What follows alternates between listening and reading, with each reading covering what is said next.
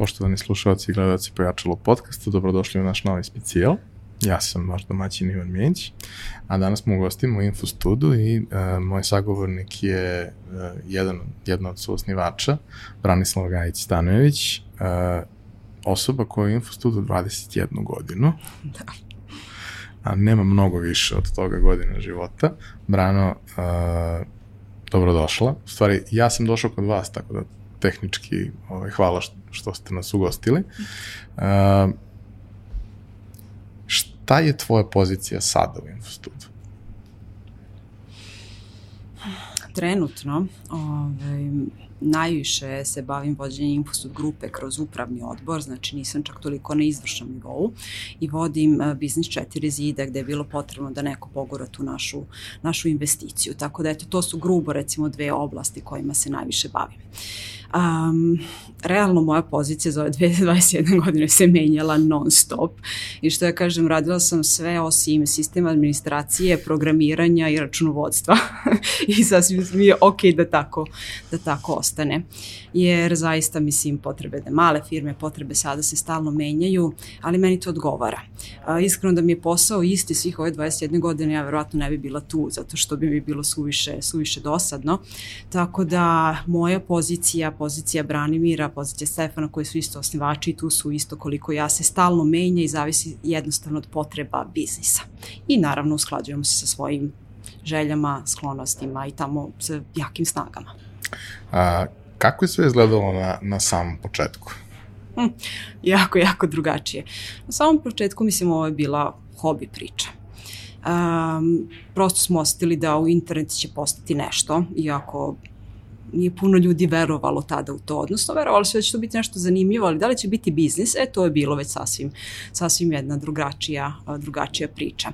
Tako da, da, to je bilo nešto što sam ja radila iz svoje studentske sobe u studenjaku, ovaj, pa nosila diskete do studentskog centra, pošto nisam imala računar u sobi, tako da se Infostud.com u to vreme ažurirao iz studentskog centra studenjaka, između, između ostalog. Uh, Onda sam dobila cimerku koja je imala računar, pa sam dogovorila sa njom da ja koristim njen. I mislim, tako je, tako je funkcionisalo sve na mišiće, sve sa svojih deset prstiju, sa onim čuvenim plakatima koje smo lepili selotejpom, da, selotejpom po, po Beogradu ovaj, i, i, i slično. I zaista da kažem da smo mi onda krenuli sa nekim biznis planom pa nismo.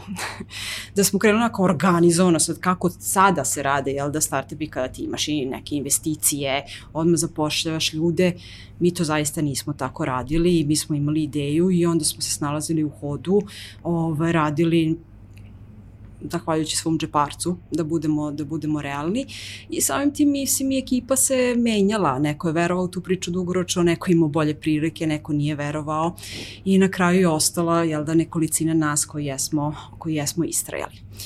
A, sada firma sa 220 zaposlenih plus a, ne može da se poredi sa tom, tom, tom situacijom, ali prosto morali smo da prođemo kroz, kroz sve te faze, znači od, od studentskog hobija do prvih pet zaposlenih, prvih kancelarija, pa onda postaješ malo veća firma sa 20 ljudi, pa onda u, imamo HR-a, sad imamo 50 ljudi, to je sad neka nova faza. Uh, do ove faze kada smo mi zapravo grupa biznisa i sve je tu decentralizovano i, i mnogo ovlašćenja su spuštena na, na te timove i, i taj management kako i treba da bude.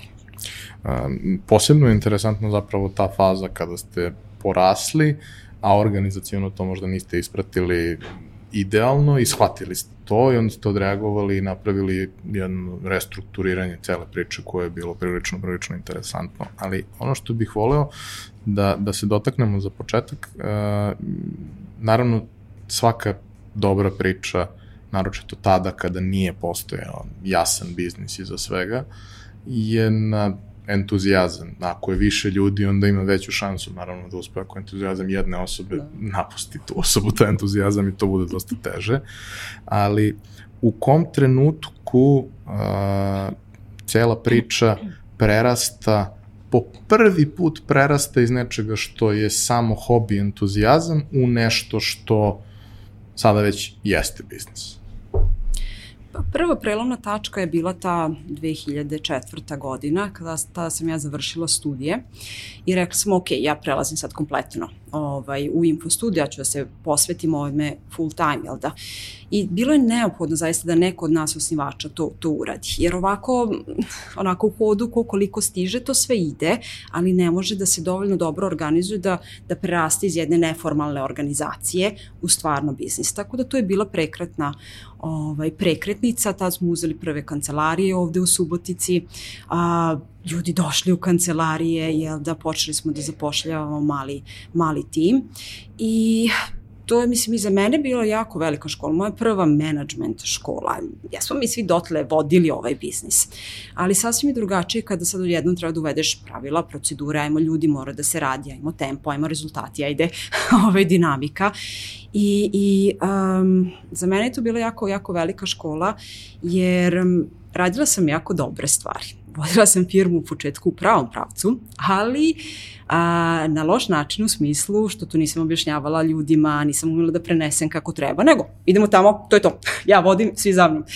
I kao da ljudi to sad samo treba da prihvate odjednom, pogotovo je to bio šok zato što do juče nismo tako radili. I to je bila prva velika škola koja je mene lupila ovaj, u glavi kad su ljudi počeli da se bune i onda sam ja kontala, ok, sad moram malo da učim o vođenju ljudi, ovo je neka druga, neka druga priča. I onda sam počela da čitam Adidžesa, onda sam počela da učim o tim razvojnim fazama preduzeća, onda sam skontala, ok, neke stvari moram da prepustim, ne radim ja sve najbolje u životu. I kad je krenulo to prepuštanje, onda sam videla, pa on je ovo uradio bolje od mene, super, meni lakše, on se razvija, firmi bolje. To su te bile male, ma, male škole, ali kažem, to je bila prva prekretnica, posle bilo drugih.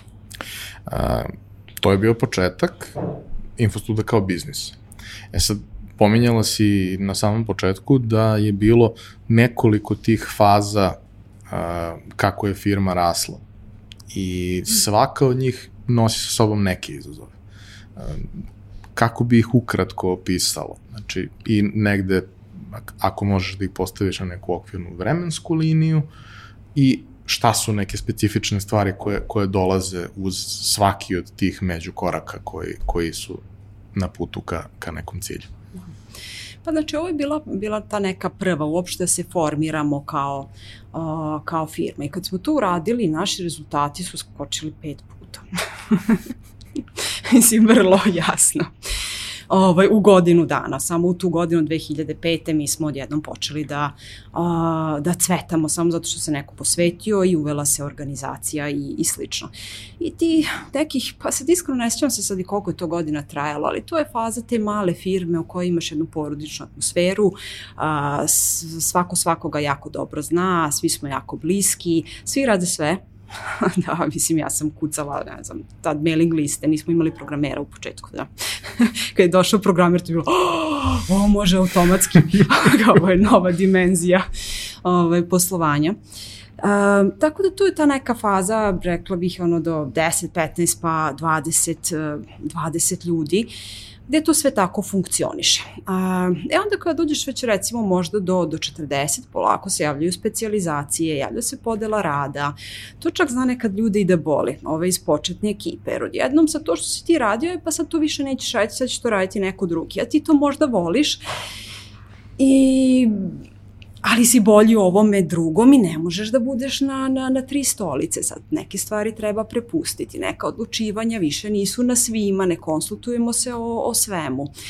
I znato malo i nekada da bude, da bude bolno, ali zahteva, to je upravljanje promena. Jasno. Da. Um, e onda dolaze te, te faze, jel da, 50, 40, 50, 60 ljudi kada uh, javljaju se i novi nivoi menadžmenta, jer treba, ne možeš ti da kao jedna osoba, dve osobe da pratiš, kontrolišeš sve te, ovaj, sve te ljude, niti da poznaješ više svakoga tako dobro, niti da radiš, da mu se posvetiš da bi se čovjek zaista razvijao, jer ako se čovjek ne razvija, on dugoročno nema motiv da ostane, ostane u firmi. I onda stavi ta faza izgradnje menadžmenta, um, koja onako prvo ide malim koracima, to je operativno propuštanje vođenja, ali onda moraš da učiš ljude da zaista i razvijaju druge, druge ljude. I um, specifičnost našeg rada u, u svo to vreme jeste što smo mi to sve morali da radimo organski. Jer u to vreme mi smo bili sasvim jedna nova, nova industrija. Niti su postojali takvi profili na fakultetima kao što sada postoje, hvala Bogu.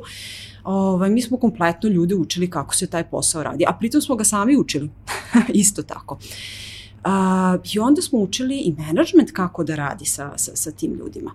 Međutim, jako dobro stvar jeste što smo skontali da recimo management nije toliko specifičan za IT, IKT, IKT firme. Neke osnove managementa su iste u drugim firmama. I tu je došlo ono otražnjenje da mi jesmo specifični, ali nismo baš toliko. Mi možemo da učimo od drugih. I onda smo počeli zaista da učimo od drugih. Jer ranije nam je bilo, bilo onako ko neko postupilo, a dobro, oni su proizvodnja, šta mi imamo sad tu od njih da učimo. Nije tačno. Može da se ovaj, uči, uči o prodaji, o menadžmentu, o finansijama. Znači, to su sve jednostavno opšte oblasti poslovanja gde treba da koristiš iskustva, iskustva drugih. Uh, E, onda su po, počeli polako da se razvijaju zasebni biznisi, a, gde smo shvatili dobro, sad polovni automobili došli su 2008. Pa to nije isto što poslovi Infostud. I došli su tamo u pravo vreme kada je sledila ta velika, velika kriza koja je jako udarila na zapošljavanje i kada tržište jednostavno otpušta ljude, možeš ti da imaš oglase za posao koliko god da si dobar. Moraš da prihvati tu, prihvatiš tu činjenicu. I onda su polovni automobili nama pomogli da to, da to preguramo. Počeli su se formiraju, dakle, zasebni biznisi. Pa su tu bila putovanja, info, ja mislim sledeća i, i tako dalje. Jedno vreme mi smo to dosta držali centralizovano, tada su već i Branimir i Stefan došli u, u firmu, posvetili se Infostudu, Branimir napustio svoj posao u banci, Stefan završio studije, uh, Um, I vremenom uh, smo videli da smo ušli u petlju da se svi za sve pitamo i, i svi vodimo svaki biznis i tu smo gubili jako puno vremena. Um, odlazilo je puno vremena da se donesu operativne odluke, drugo da se mi usaglasimo, jer troje ljudi, troje ćudi, pa sad još tu su i drugi ljudi, ne odlučujemo mi sve. Uh, za neke operativne stvari za koje stvarno ne treba i ne moramo svi oko svega da se, da se usaglasimo. I trebalo je vreme da to sva sazri. Iskreno i meni na, na prvu loptu kada je to počeo se pominje, mi se baš ni dopala ta ideja. trebalo mi je vreme da, da je sažvaćem. Ali smo shvatili da je to ta neka, ne, neka, neka stvar koja mora da se, da se uradi jer postajemo spori. I to je nešto što svaka firma koja, koja raste i usložnjava se, ovaj, ako ne uradi tu decentralizaciju ili na neki drugi način, jel, da reši, reši pitanje organizacije, postaje birokratizovana, počne da zavisi od jedne osobe ili dve, zavisi koliko ima, ima osnivača i na kraju postaje spora i počinje da gubi potencijalne ljude koji mogu sjajno da vode taj biznis, ali koji ne žele da rade sa takvim vlasnicima ili, ili sa menadžmentom. I to je sad onda dovelo do cijele ovog nastanka Infostud grupe, širenja, izgradnje onda timova zasebnih i tako dalje. E, da li možeš samo da, da objasniš ljudima koji ne znaju kako zapravo sada funkcioniše organizacija? Da, znači mi imamo nekoliko biznisa, ovaj, tu su poslovi Infosud Infostud sa svojom grupacijom biznisa, zatim polovni automobili, četiri zidara se koje se bave nekretninama, tu je internet prodaja guma, tu je osiguranik. Znači to su vrlo različiti biznisi. Kakva je sličnost između osiguranika koji je više e-commerce biznis i poslova nema puno, pu, puno sličnosti. Tako da svi oni imaju zasebne svoje ovaj, eh, resurse, svoj management, donose svoje ciljeve, vode operativno poslovanje i slično. Uh, sa strane toga postoji nešto što mi zovemo centrala ili poslovne operacije koje pružaju podršku tim biznisima u onim nekim opštim funkcijama kao što su sistem administracija, kao što su računovodstvo i financije, kao što su HR i tako dalje. Um, jer jednostavno ne isplati se nekom manjem biznisu koji ima 20 ljudi da ima svog HR-a. Zašto? A sa druge strane, prednost toga što je on Infostud grupi jeste što može da ima podršku HR-a koji nije 100% posvećen, ali radi sa tom biznisom i ubrzava ga u tom nekom postavci osnova ljudskih resursa, što kao mali zasebni biznis ne bi radio bar jedno, ne znam, nekoliko, nekoliko godina. Uh, I iznad toga se nalazi jel da, izvršni odbor grupe i upravni odbor grupe koji a, se bavi tim bavi se vođenjem te centrale, tih znači centralnih sektora koji pružaju ovaj, podršku i uh, koji se bavi strateškim vođenjem grupe, znači portfolija grupe i generalno prati pravac razvoja biznisa, a, grube krovne ciljeve, znači ne spuštamo se sada u sitnu operativu, da li management generalno ide u dobrom pravcu, da li se tim razvija u dobrom pravcu i kakvi su rezultati finansijski i nefinansijski. Hvala ti za ovaj presek, hvala ti za, za dobar uvod i za to što si prilično iskreno i, i otvoreno ispričala taj neki deo koji je ono growing pains za, za svaki biznis, jer uh, Naravno, kod nas ljudi obično takve stvari kriju, a ne treba da kriju zato što upravo u ovakvim situacijama kada pričamo, to je nešto što može da pokrene nekog novog ili olakša nekome ko je došao u ćorsokak situaciju koja je prosto prirodna i normalna stvar koja se dešava kada radiš nešto što, naročito ako radiš nešto što pre toga nije postojalo, pa nemaš odakle da, da, da ovaj, naučiš, no, da vide ljudi da, da nisu sami u svemu tome da se takve stvari uh, dešavaju. Uh, ono što uh, ja lično, a znam vas od samog početka, znači ono što ja lično najviše cenim u, u celoj priči, to je što uh, mi smo i prijatelji i sarađujemo povremeno i tako dalje, ali nismo sad, ne postoji sad nekakav interes u celoj priči, bilo kakav, ali meni je lično jako drago kad gledam ljude sa strane, koje znam od kad su bili mali, biznis, ovaj, koji su napravili nešto fantastično na ovom tržištu koje nije kad sanjaš o tome da praviš biznis, sanjaš verovatno neka drugačija tržišta koja su jednostavnija, ali ono što je posebno uh, vredno osim samog rezultata je način na koji ste došli do tih rezultata i to uh, kakvo mesto imaju ljudi u, u toj celoj priči. Odnosno, da ste vi svi osnivači i dalje tu, da je gomila ljudi koji su bili među onim prvim zaposlenima i dalje tu, da su mnogi uh, otišli posle deseta godina u možda neke druge priče, ali svi ljudi koje ja znam, doslovce svi ljudi koji su bili deo Infostuda, pričaju sve najviše o Infostudu, a za to postoje sigurno neki razlog. I pošto znam neke od priča ove, ličnih i profesionalnih, a, volao bih da, da i ti to iz svog ugla, neko ko je bio unutra sve vreme, a, ispričaš kako je to izgledalo kad, kao, ti u startu praviš firmu od ljudi koji su ti prijatelji, koji imaš poverenje. Jer kao, to je neka prva osnova, da imate poverenje i odgovornost jedni prema drugim. Onda ako na pravi način komunicirate ako na pravi način upravljate time do čega treba doći, što si i sama rekla, nije to baš tako ovaj, prirodno svima nama, to je proces, ali ako se to radi kako treba, ti ljudi onda budu i motivisani i stimulisani da ostanu, da se razvijaju, da naprave od nekog ko je tu došao da radi neke poslove de facto pripravnika, da dođu do toga da budu danas vrlo značajni članovi grupe možeš da podeliš neku takvu priču? Pa da, mislim, tih priča, priča ima puno, od, počeši od Sonje Četkovića, da koja je tu isto nisam sad sigurno, 18 godina možda ili, ili uglavnom tu je ovaj, tu, tu je negde vrlo blisko nama, koja je počela tako što je prekucavala oglase iz novina. to je to.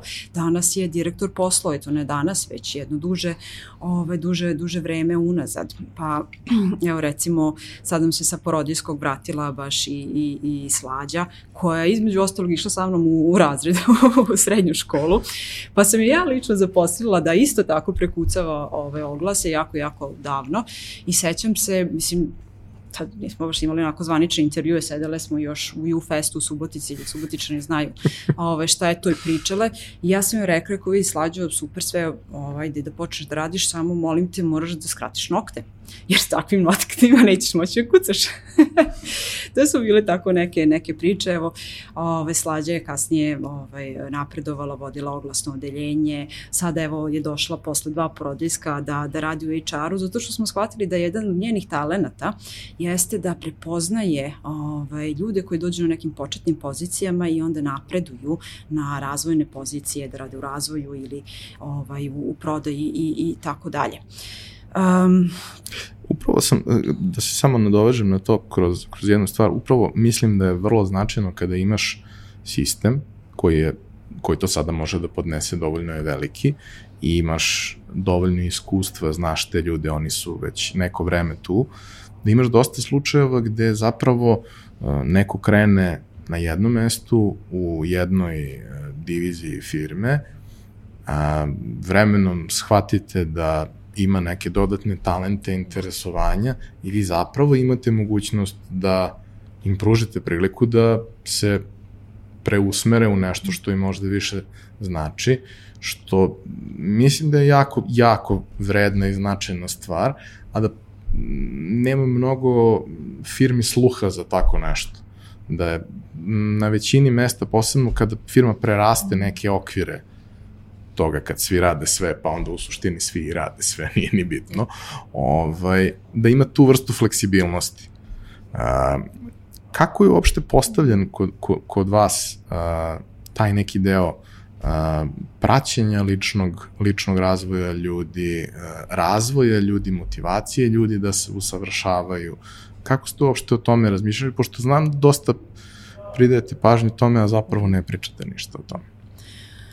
Da, mislim, jako puno polažemo na, na obuke ljudi tu je recimo zanimljivo da baš kad je bila ona kriza 2008. 2009. kao i mnogi biznesi mi smo morali da sečemo troškove, jer moraš da preživiš to, da, da preguraš.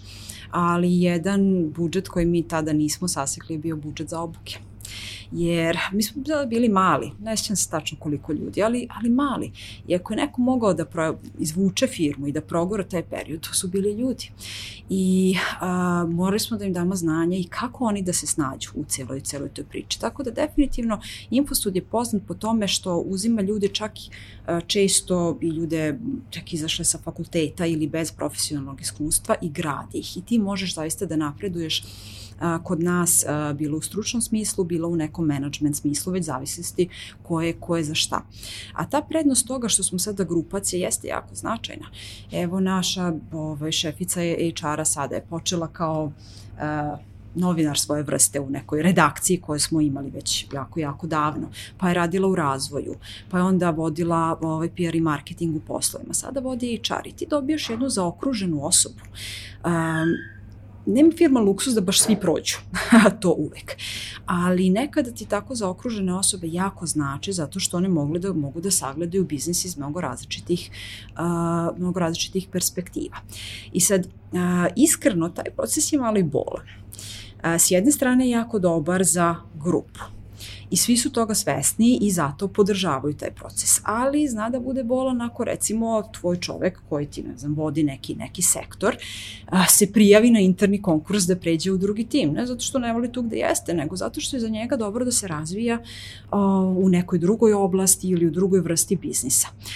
I ti to podržiš zato što znaš da je dobro za grupu, ali tebe interno boli jer ti dobijaš rupu u svom timu. Tako da to su sve uvek tako stvari kojima moraš da, da, da vagaš i gde jednostavno um, rezultat grupe moraš da postaviš iznad svojih ličnih interesa, ali neka čak i iznad, iznad interesa svog, svog biznisa. Tako da nije to sad uvek medena priča, nekada je malo i teška priča, ali je ispravna priča. Naravno da je uvek ispravno kada se fokusiraš na to da ljudi budu zadovoljni, zadovoljni ljudi prave dobre rezultate. Sad, da li su u jednom ili u drugom timu, to je naravno e, problem možda pojedinačno tog tima i tim lidera. Ali uh, ono što bih isto voleo da, da probam da, da objasnim, pošto fokus jeste na ljudima i uh, veoma je važno imati prave ljude za, za tako nešto. Znaš, doneti odluku da zaposliš neko koji je izašao tek sa fakulteta i onda graditi tu osobu kroz period od 15 godina do, do neke visoke pozicije je ogroman put. Ako se to desi jednom, to može da bude izuzetak i našao si jednoroga, ali ako se desi više puta, nema toliko jednoroga. Mm -hmm. Mislim, nema ni jednog, ali ok. A, kako vi zapravo birate ljude, odnosno kako je postavljena cijela priča kod vas, posebno što jedan vrlo značajan deo vašeg biznisa suštini jeste HR, mislim, poslovi, infostud, ok, ne bavite se vi mm. HR uslugom selekcije mm. i time se bavite donekle, ali više je to marketplace, ali kao ako neko zna tržište rada ovde, znate ga vi već 20 godina, odnosno 15, a, koje su neke, koje su neke vrednosti, ciljevi koje, koje a, očekujete od ljudi, šta, šta je ono što, na što se fokusirate kada pravite selekciju, kada birate ljude? To sad nije neka jako specifična priča, ali jeste specifično um, vreme kada smo mi počinjali i kuda nas je to gurnulo. Znači, to je sad onako klasično šta znaš, jel da, kakvo iskustvo do sada imaš, takozvane te hard skills, i sa druge strane, te neke meke veštine ovaj, i slično. I treće je potencijal. Koliko mi vidimo ti možeš da se razvijaš. E sad, pošto smo mi krenuli u vreme kada je ovo bio jako inovativan biznis, niko nije znao kako se to radi, kažem, i mi smo sami učili kako se to radi, tražiti nekoga sa iskustvom je bilo praktično nemoguće. Tako da u tim prvim godinama mi smo morali jednostavno da tražimo ljude koji nemaju iskustvo, ali imaju potencijal da nauče. I to je jako obeležilo uh, znači prvih 10-15 godina rada, ovaj, rada Infostuda i naučilo nas je da prepoznajemo potencijal. Jako nas je usmerilo u to da um, primimo čovjeka koji ima tu iskru. Hoće. E, to je jako znači kad neko hoće. Džabe ovaj što zna, ako on čeka da mu se kaže, da mu se ukaže na mogućnost za napredovanje, ako on u 4.00 svaki dan mozgom ćao, ovaj, znači, mislim, da, ti moraš ceo svoj život da, živi, da živiš posao, ali postoji jako, jako razlika između ljudi koje to interesuje i koji hoće više i onih koji, koji samo odrađuju, ovaj, koji odrađuju posao. Prosto nas je ta činjenica, smo počeli u vreme kad smo počeli, gurnulo u to da mi tražimo ljude sa potencijalom koji hoće i koji će, koji će naučiti. Um, Sada smo mi već došli u poziciju kada možemo da tražimo ljude sa iskustvom, zato što sada ih već na tržištu ima i nekada kombinujemo.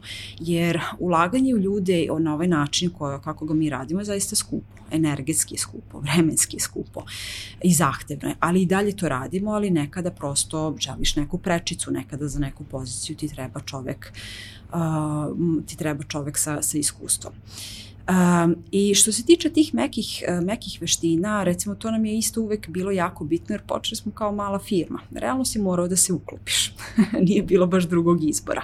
Ti kad kreneš pa masovno zapošljavaš sa ne znam velikim investicijama iza sebe, to je sasvim, sasvim drugačija, m, drugačija priča. I to je kreiralo tu neku kulturu infostuda koja se zadržala i, i, i dan danas, ali iskreno i to je imalo svoje prednosti i mane. A, prednost jeste, jesu zašto bi zaista imamo onako neku dobru domaćinsku kulturu, kao, kao kući kada, ne znam, imaš porodične vrednosti, ovaj, mi imamo neke svoje infostudove, infostudove vrednosti koje su trenutno da smo hrabri, da smo preduzimljivi, da smo snažni kao tim i da, i da igramo fair. Uh, ali recimo u tim prvim, prvim godinama koliko god je bilo značajno to da imamo tu dobru atmosferu, da ljudi međusobno fino lepo komuniciraju, da rešavamo probleme, umesto da ih poturamo tepih, po tepih, ali da ih rešavamo na jedan lep način. Kasnije kako smo rasli, to malo postalo, ovaj, odnosno imalo i svoje kontraefekte. Um, jer um, ljudi su počeli da budu suviše fini, počeli su da se plaše da konfrontiraju, Još da rešavaju problem. Jeste, utiče definitivno. Pa ne, stvarno utiče da postoji razlike u, u temperamentima. I onda smo shvatili, ok, sad ovo je otišlo malo kao kuda, kuda ne treba, jer bilo koji ekstrem je problematičan. I došli smo do toga da super nam je svima je fino, divno, ali neki problemi stoje, neki problemi se ne komuniciraju, zato što ljudi neće da se zamere. A to je isto problem. Tako da smo onda ove, krenuli da guramo u tom pravcu hrabrosti, znači hrabrosti da preuzmeš rizik, hrabrosti da o, izađeš otvoreno, dire, direktnije komuniciraš i dalje. Ne želim da po firmi praviš probleme svima, ovaj, ali moraš preuzeti taj rizik da te možda neće uvek svako super shvatiti da možda će trebati malo truda ovaj, da se neke stvari, konflikti reše i da je to na kraju krajeva posao i tebe kao zaposlenog jer time gradiš svoj tim. Ako ti trpiš probleme u svom timu, ti puštaš da taj problem raste. To utiče direktno na tebe, utiče i na tvoje kolege. Zatim to je posao i menadžmenta i tako dalje i, i tako bliže. Tako da mislim da svaka vrednost u, u firmi, ako ode u neki ekstrem, može da postane mana. A, mi dan danas imamo malo taj, taj problem i, i, i zavisno je od nekih uh, u kom biznisu, u kom sektoru i tako dalje. Dan danas radimo na tome, ali mislim da je jako bitno da a, prosto to shvatimo i, i, i da rešavamo. A, baš, mislim, juče, apropo sad toga što si pomenuo, neki ljudi ne priznaju svoje greške i slično. Nije uvek lako priznati svoju grešku, neka ti se prosto ne sviđa, ali to je jedini način da učiš. A, I juče sam baš gledala ovaj, The Playbook, a, um, serijal sa, sa savetima ovaj, sportskih trenera i, i juče sam baš ovaj, gledala Doc Riggins, to se, -huh. jeste Celtics, ovaj, trener Celticsa i njegov prva poruka je bila ja kada uđem u slučionicu sa svakim novim timom, moja prva rečenica je bila ja sam Doc Riggins, ja sam čovek i ja ću grešiti. Pa naravno da ćeš. Mislim, svako će. Uh, I ako to prihvatiš kao neminovnost, uh, onda ti je iskreno mnogo lakše u životu, a i tvojim ljudima je mnogo lakše u životu, jer sa mašinom je jako teško raditi. Uh, sticajem neobičnih okolnosti, e, zove se Doc Rivers čovjek. Izvim, uh, sa... da, ja nisam neki sportski tip previše. ali dobar izbor, definitivno. Imao sam prilike da zapravo pričam sa njim pre nekoliko godina u, u Los Angelesu. Bio sam na utakmici Clippers, on je tad vodio Clippers-e. Uh, tad su bili Teo i Bobby u Clippersima. Uh, i posle konferencije za štampu, pošto sam imao par nekih pitanja koja su bile interesantna, jer obično američki novinari nemaju pitanja koja su interesantna, valjda što svaki dan imaju priliku, pa i nije to toliko bitno. Malo smo pričali posle toga i energija kojom taj čovek odiše je potpuno neverovatna i to kakvu je on porodicu napravio u tom timu. Ok, na kraju su ne, rezultati izostali donekle, nisu osvojili titulu i tako dalje, ali e, zapravo većina tih ljudi kada pričaš sa njima, pričaš sa posle sa nekim igračima, kažu da im je to omiljeni tim u kome su igrali. Jer je jednostavno atmosfera bila fantastična i svi su se međusobno podržavali i svi su bili bolji nego što su bili na, na, na drugim mestima. Ovo, ovaj, tako da to svakako jeste, jeste big deal. Um, svako uh, u nekom sistemu da bi, da bi bio zadovoljan, uh, ako ima ambiciju, ok je i ako neko nema ambiciju, a odgovoran je profesionalno naravno, ali ajde pričamo primarno o ljudima koji imaju ambiciju da se razvijaju i, i, i da rastu, imaju i potencijal, ali ako to ne prati neka ambicija, nije to baš idealno. A, na koji način se bavite time? Prosto interno kako radite sa ljudima na tome da oni ispune svoje želje i ciljeve kroz vreme? Tu je potreban dosta lični pristup i to je nešto što management mora da savlada u, u velikoj meri, tu sposobnost da bude fleksibilan, da se prilagodi čoveku i na kraju krajeva da pusti uh, u smislu uh, da prihvati da način dolaska do uspeha nije način na koji si ti došao do uspeha. Nije nužno taj način. Različiti ljudi dolaze do uspeha na različite, na različite načine. Um, tako da mi uh, radimo te razvojne planove sa ljudima uh, koji imaju dva segmenta. Jedno je šta je biznisu potrebno, a drugo je šta ti želiš i kakva su tvoje nadanja, aspiracije za neko vreme i tako dalje. I onda gledamo gde tu može da se spoji. Mi ne možemo da ispunimo svaku želju, želju čoveka, niti je to, mislim, firma ne postoji zbog toga. Ali uh, ako to uzmeš u obzir, ljudi budu srećniji, razvijaju se, cene mnogo više tu priliku koju su, koju su dobili povratno priča bude mnogo bolja za, bolja za biznis. Tako da s jedne strane to je posao menadžmenta, sa druge strane mi imamo taj sistem mentorstva unutar firme i to je opet ta prednost grupe i to što ako nazvam radiš u razvoju ili u marketingu, ti imaš kolege iz drugih biznisa koji isto rade na tim stvarima samo u drugom biznisu sa drugačijim iskustvima, neki imaju više iskustva od tebe i ti možeš da imaš svog mentora eventualno a, ili prosto možeš, uvek imaš kolegu s kojim možeš da se konsultuješ. A, trudimo se tu da koristimo koliko je maksimalno moguće. Um, ali na kraju krajeva uvijek se svede na čoveka i na opet ono da li ti hoćeš ili nećeš. Pošto ako čovek hoće, Uh, u principu tvoj posao kao nekoga ko, koga vodi jeste da mu budeš sagovornik i povremeno da mu daješ smernice. On sam uradi većinu, većinu posla, zato što hoće. A ti si tu samo da mu skreneš pažnju sa svojim iskustvom, da možda će brže doći ovim putem, umesto ovim putem, da, da ga nekad pustiš da udari glavu zid. Bukvalno da ga pustiš, zato što vidiš da drugačije neće skontati, pusti ga, naučit će, više će vrednovati to iskustvo nego da je dobio zabranu, a ne veruje u tu, u, u, u, u, u tu zabranu. Tako da u tom smislu mislim iskreno to je onako dosta zahtevan, dosta zahtevan posao i, i management na taj način nije samo to da ti ispunjavaš ciljeve, a, nego baš to da umeš da radiš sa ovaj, ljudima i na kraju krajeva da ti je stalo do ljudi. Jer ako ti nije stalo do tih ljudi, što bi ti ulagao tu energiju, vreme i često stres ovaj, da bi ti njima pomagao da napreduju. Tako da ako hoćeš da ideš u tom management ovaj, pravcu, jako je bitno da ti je stalo do ljudi i da ti u njihovom uspehu ovaj, uživaš i da to tebe čini većom, većom osobom.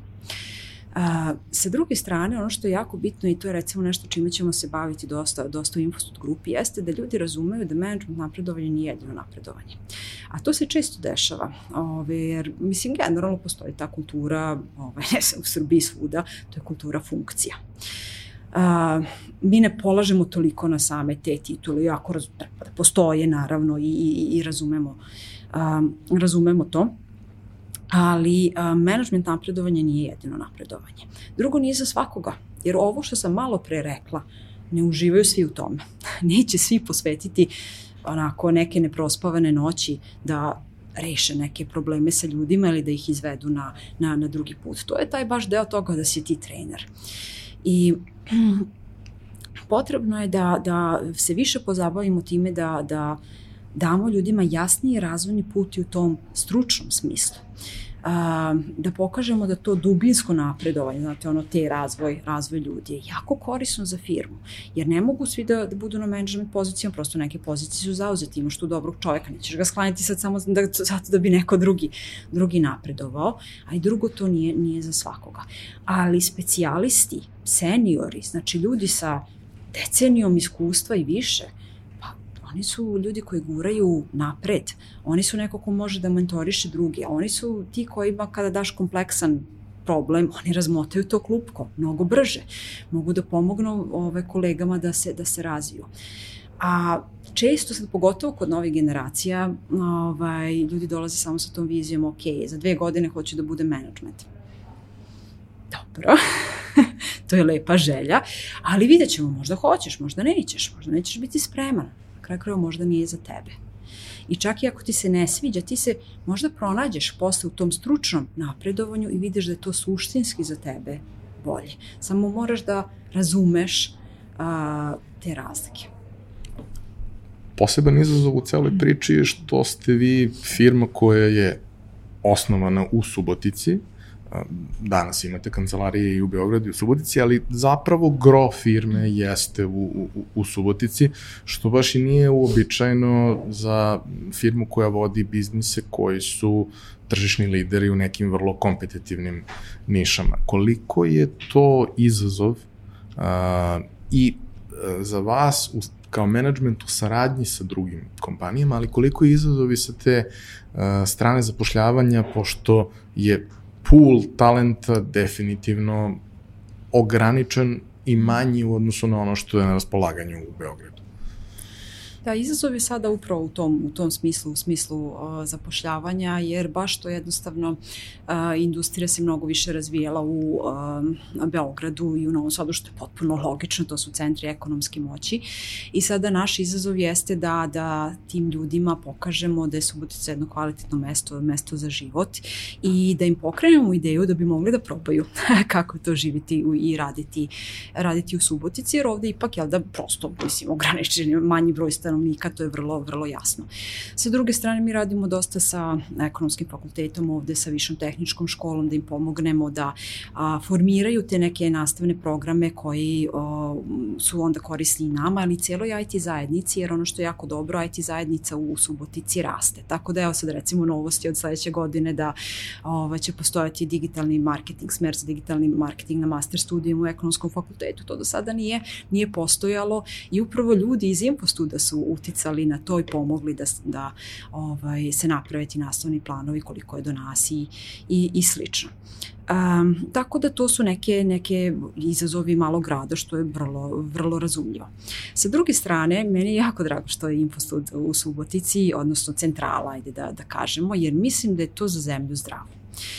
Mislim, ja obožavam Beograd, ja sam tamo studirala, imam prijatelje, ja ga volim, volim da odem, uh, bez, bez dileme. Ali za svaku zemlju je dobro da ekonomska moć bude decentralizovana i da postoji više jakih gradova i više dobrih mesta ovaj, kojima ljudi žele, žele da žive.